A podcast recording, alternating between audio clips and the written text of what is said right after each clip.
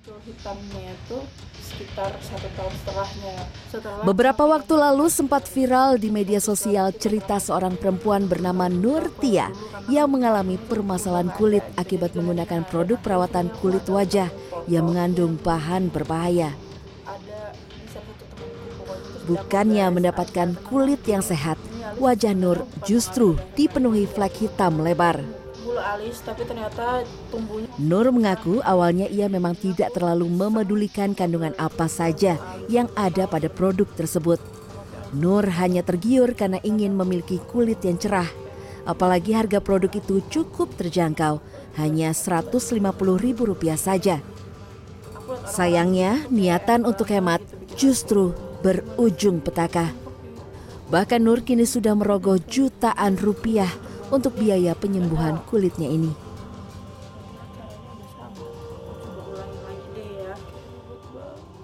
di tahun 2015 itu mu- mulai muncul flek pada saat itu di bagian pipi dan bagian hidung. Tapi begitu diberhentikan, dia langsung melebar gitu dan diperparahnya itu sat- satu tahun kemudian. Dan itu tuh konsultasi sama dokter. Dia bilang flek saya ini eh, flek yang terkena sinar UV dan efek dari merkuri gitu.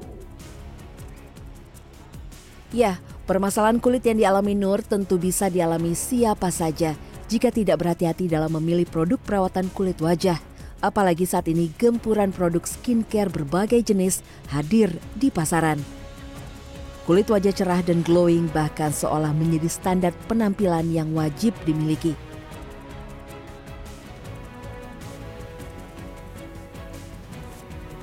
Berdasarkan rekomendasi dari dokter spesialis kulit, sebenarnya ada tiga tahapan penting dalam merawat kulit wajah khususnya. Yang pertama adalah pembersihan, kemudian ada juga pelembapan, dan yang ketiga adalah protecting atau perlindungan khususnya dari paparan sinar matahari. Nah, kondisi tiap kulit orang itu berbeda-beda sehingga jenis perawatannya pun itu juga berbeda-beda.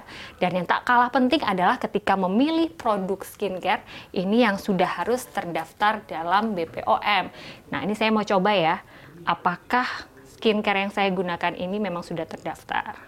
Tidak perlu membutuhkan waktu yang lama jika memang sudah terdaftar, maka akan keluar data bahwa produk ini sudah melalui uji laboratorium sehingga memang sudah aman dan diperbolehkan untuk dipergunakan masyarakat luas.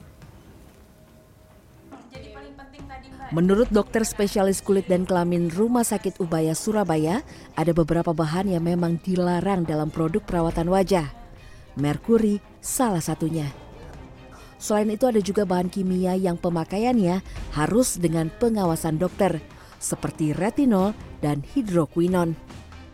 Kedua senyawa kimia ini biasanya digunakan dalam bahan produk perawatan kulit karena memiliki manfaat untuk meregenerasi kulit dan mencerahkan wajah dalam dosis yang disesuaikan dan diawasi oleh dokter.